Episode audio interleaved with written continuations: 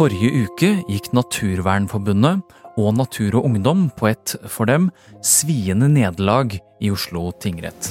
Miljøbevegelsen tapte mot staten. Oslo tingrett gir fullt medhold i tillatelsen til å dumpe 170 millioner tonn gruveavfall i Førdefjorden. Gruvesøksmålet vant ikke fram. Dette er en av Norges mest langvarige miljøstrider. Men Førdefjord-saken er bare ett av flere tilfeller hvor naturen har måttet tre til side for andre interesser. Hvorfor er det så vanskelig å verne norsk natur? Du hører på Forklart fra Aftenposten, en podkast hvor vi forklarer én nyhet i hver episode. I dag om den uberørte naturen som forsvinner litt etter litt. Det er tirsdag 16. januar, og mitt navn er Philip A. Johannesborg.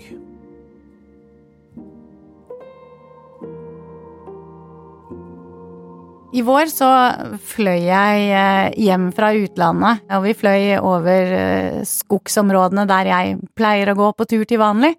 Og da lå det fortsatt snø i landskapet, og da så jeg plutselig at det var store, hvite flekker overalt i det jeg har tenkt på som en ganske uberørt skog, og det viser jo hvor store områder som egentlig er hugget i skogene våre rundt omkring. Ja, for som Aftenposten-journalist Stine Barstad sier her, rundt om i den norske naturen så skjer det ting. Dette er bare ett av mange eksempler på hva vi nordmenn har gjort med omgivelsene våre de siste årene. Og det skjer flere steder. Vi har vindkraftutbyggingen, myrene som må vike for motorveier, vi har masse hytteutbygging, Fosen-saken, gruvedumping i Repparfjorden og Førdefjorden. Tingretten har talt. Sjødeponiet i Førdefjorden er lovlig. Tap for miljøbevegelsen, seier for staten. Men hvor starter vi egentlig for å snakke om dette store temaet?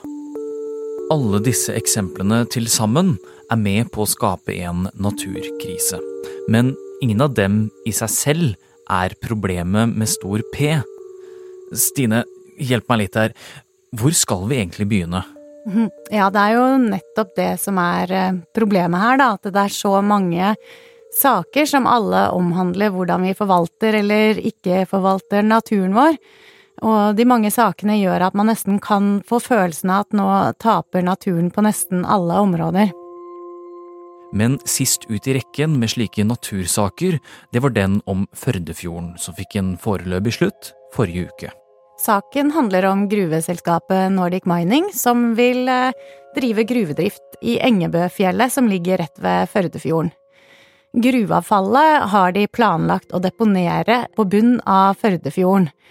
Norge er et av få land som fortsatt tillater nye sånne sjødeponier, og Natur og Ungdom og Naturvernforbundet har saksøkt staten fordi at de har gitt Nordic Mining lov til dette, og de mener at det vil ødelegge naturen i området. Nå tapte naturvernerne. Hva mente tingretten?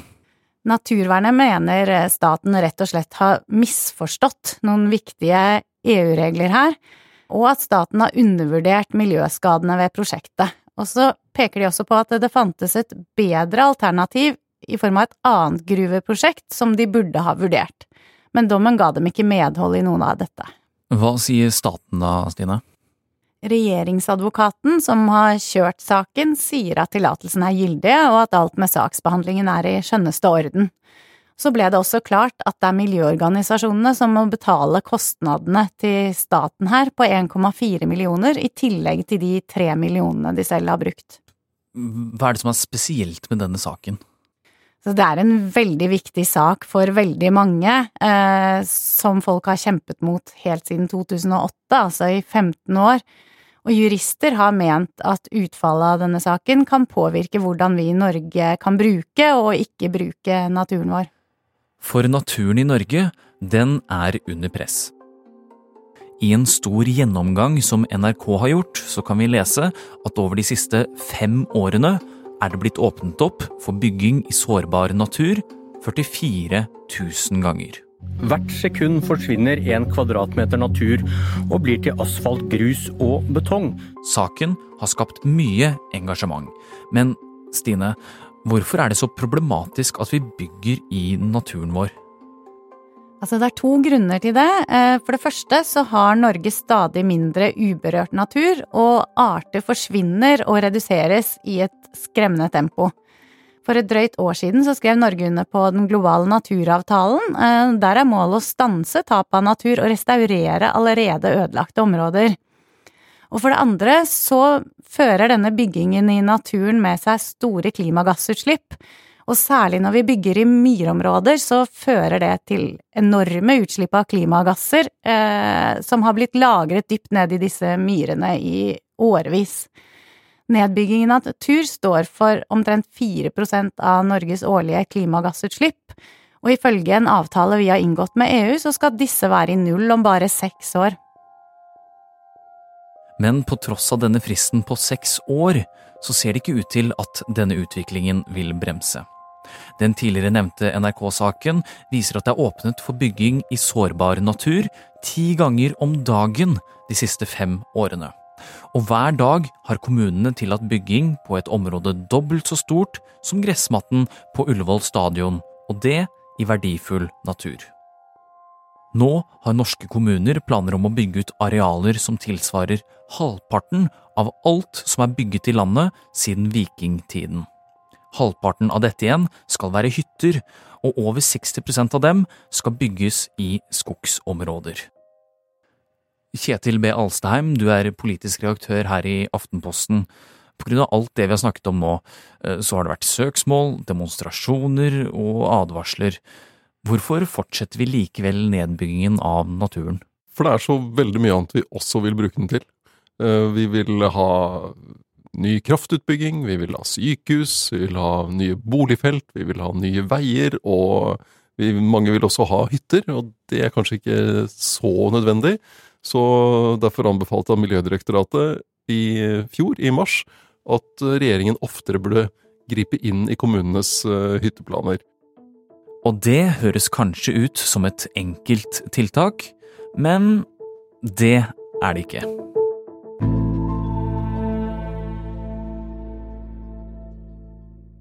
Kjetil, hvem er det egentlig som hva skal man si, bestemmer over norsk natur?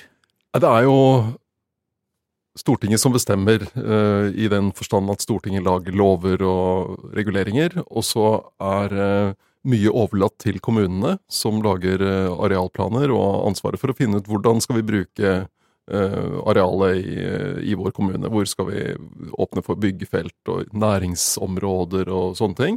Kommunene har veldig stor makt over arealplanlegging, og man er veldig opptatt av at lokalpolitikerne skal kunne styre dette selv, og det sier noe om hvor vanskelig det er å bremse nedbyggingen av natur. Og så har du jo private eiendomsbesittere, de som eier areal og vil utvikle det. Så det er, det er mange aktører som kommer inn her, og kommunene har en veldig sentral rolle. Men hvem er det som tenker på helheten, da? Eh, det, det, er jo det store spørsmålet her.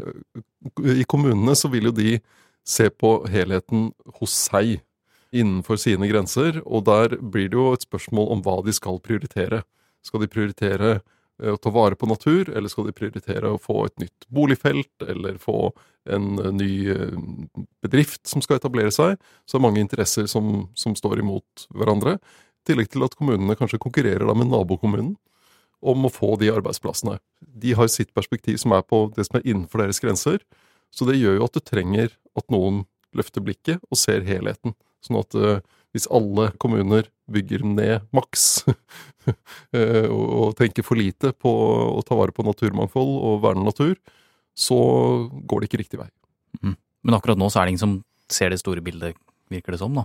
Ansvaret ligger jo på nasjonalt nivå, hos regjeringen, Klima- og miljødepartementet, også hos Stortinget. Det har jo vært laget eh, handlingsplaner for naturmangfold før, og det skal lages igjen. Og her ligger altså kjernen i problemet. For på den ene siden så har du politikere og kommuner med sine interesser. På den andre siden så har du en verden som skal fremover, noe som også går ut over naturen. Hvis du ser på de 30 siste årene, så har vi bygget ned natur som tilsvarer 7000 fotballbaner i året. Det er mye fotball. Det er mye fotball, ja. Og det handler jo om veldig mye. ikke sant? Du har boliger, du har hytter, du har næringsbygg, du har eh, kraftlinjer, du har eh, veier. Mange ting som vi egentlig trenger. Og det gjør at det målet man har satt om å bedre ta vare på naturen, det må vike.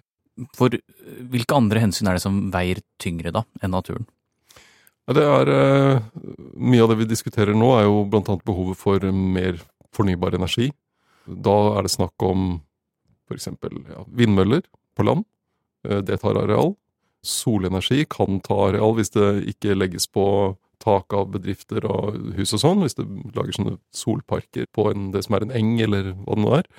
Du har eh, behov for kraftlinjer, som også kommer opp i den, eh, den debatten. Så det er eh, i tillegg til ønsker om bedre jernbane, nye veier, så er det mange ting som, som kommer inn. Når du nå nevner vindmøller og vindturbiner, solceller, så kan det jo nesten virke som at man må velge mellom en klimakrise eller en naturkrise, da. Det er en konflikt i noen tilfeller, og så er det samtidig sånn at forskerne er veldig tydelige på at hvis vi ikke greier å ta bedre vare på naturen, så klarer vi heller ikke å løse klimakrisen. Og at det å bevare natur bedre er en del av løsningen på klimakrisen. Det ser vi jo veldig tydelig i de tropiske regnskogene. At eh, det er et stort klimaproblem at eh, de høvles ned, og du får store utslipp av eh, karbon. Og naturen har jo også en rolle i å ta opp karbon fra atmosfæren. Eksempel det å ta vare på myr er veldig viktig for naturmangfold, og også for klima. Men der du får konflikter, handler jo om areal. Når du trenger å bygge ut fornybar energi, så skal de stå et sted, disse vindmøllene eller turbinene, avhengig av, av hvilket ord man foretrekker. Da blir det et spørsmål om hvordan skal vi disponere arealet vårt. Og en av løsningene som har blitt diskutert for å få bukt med naturinngrepene, det er å innføre en såkalt arealavgift. I praksis betyr det at de ansvarlige må betale en god slump med penger for å bygge i norsk natur. Det som er poenget fra økonomene, er at det er for billig å bygge ned natur. En ting er de kvadratmeterne, eller det arealet, det målet, eller hva det er. Men det er også en kostnad ved at uh, den urørte naturen blir redusert. Og det kan man prise inn da, ved å, å si at vi legger en avgift på nedbygging av natur. Da blir det litt dyrere å bygge ned natur, og så blir det litt mer lønnsomt å se etter andre løsninger, f.eks. å bygge på områder som allerede er nedbygd, og finne den type løsninger. Så det vil være et virkemiddel for å dytte investeringer et annet sted. Det høres ut som en slags eh, klimakvote, egentlig, da? Er det det?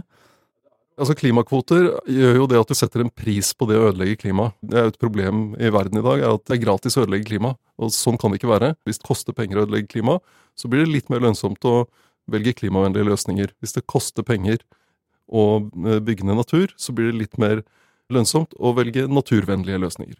Men finnes det noe håp her, da? Er det noen planer om å redde naturen? Ja, altså, Det var veldig positivt at man fikk på plass den naturavtalen i Montreal. Man setter noen ambisjoner, og så er det jo avhengig av hvordan det følges opp av hvert enkelt land. I eh, Norge skal det også da lages en ny plan. Så det blir veldig spennende hva regjeringen kommer med av forslag, og hva, hva Stortinget vedtar. Og så har du noen konkrete ting som er gode eksempler, tenker jeg. At hvis du skal bygge en motorvei der folk skal kunne kjøre i 110 km i timen, så blir den bred, og den må gå rett frem. Hvis du sier at uh, vi kan klare oss med 90 km i timen, så kan den følge terrenget mer, kan kanskje bruke en gammel trasé, slippe å liksom, sprenge og, og ta nytt areal. Det blir mer hensynsfullt for naturen enn det å bygge de aller største motorveiene. Så sånne tiltak vil jo spare natur, og er dessuten billigere å bygge. Og faktisk så skjer det flere positive ting akkurat nå. Har du hørt om uttrykket grå arealer? Det er steder som ikke lenger brukes, som forlatte industrier eller parkeringsplasser, og som kan brukes bedre. Dette har bl.a. Oslo jobbet med de siste årene. Gamle bryggerier er blitt til boliger, og en forlatt såpefabrikk er blitt til teater og leiligheter, og hele Bjørvika er for det meste gammel industrihavn. Ved å bruke de grå arealene kan nå hovedstaden bevare og beholde Oslomarka, samtidig som det gjør plass for nye osloboere. Ellers i landet så jobbes det nå for at nye vindturbiner heller skal stå langs bilveier eller i industriområder, ifølge NRK. og solkraft kan bli bygget på de store parkeringsplassene og på tak. Kjetil, det er ting på gang, og samtidig så ser vi et stort engasjement mot utbygging av natur. Det er aksjoner og demonstrasjoner. Hjelper dette også? Det har jo betydning for politikken. Vi har sett det har vært et voldsomt engasjement mot vindkraft på land. Det førte til at uh, hele den utbyggingen ble satt på pause. Og så har man gjort uh, noen endringer i regelverket for hvordan man skal bygge ut vindkraft på land. Også gjort noen endringer i hvor mye kommunene får igjen for å tillate bygging av vindkraft. Det vil jo kunne være med på å gi litt mer forankring for de prosjektene. Og det, og det, blir jo også et annet engasjement, som vi også ser da, i de sakene. Fordi dette er en natur som folk har glede av. De uh, bruker den i livet sitt, til friluftsliv eller uh, hva det nå er. De ser nytten av den og verdien av den. Og Det er jo også en sånn positiv ting ved naturvernet, og det å vise fram at dette er uh, viktig å ta vare på for å ta vare på det mangfoldet, og fordi det er en god ting for, for menneskene. For det er jo bare Norge som kan uh, ta vare på norsk natur.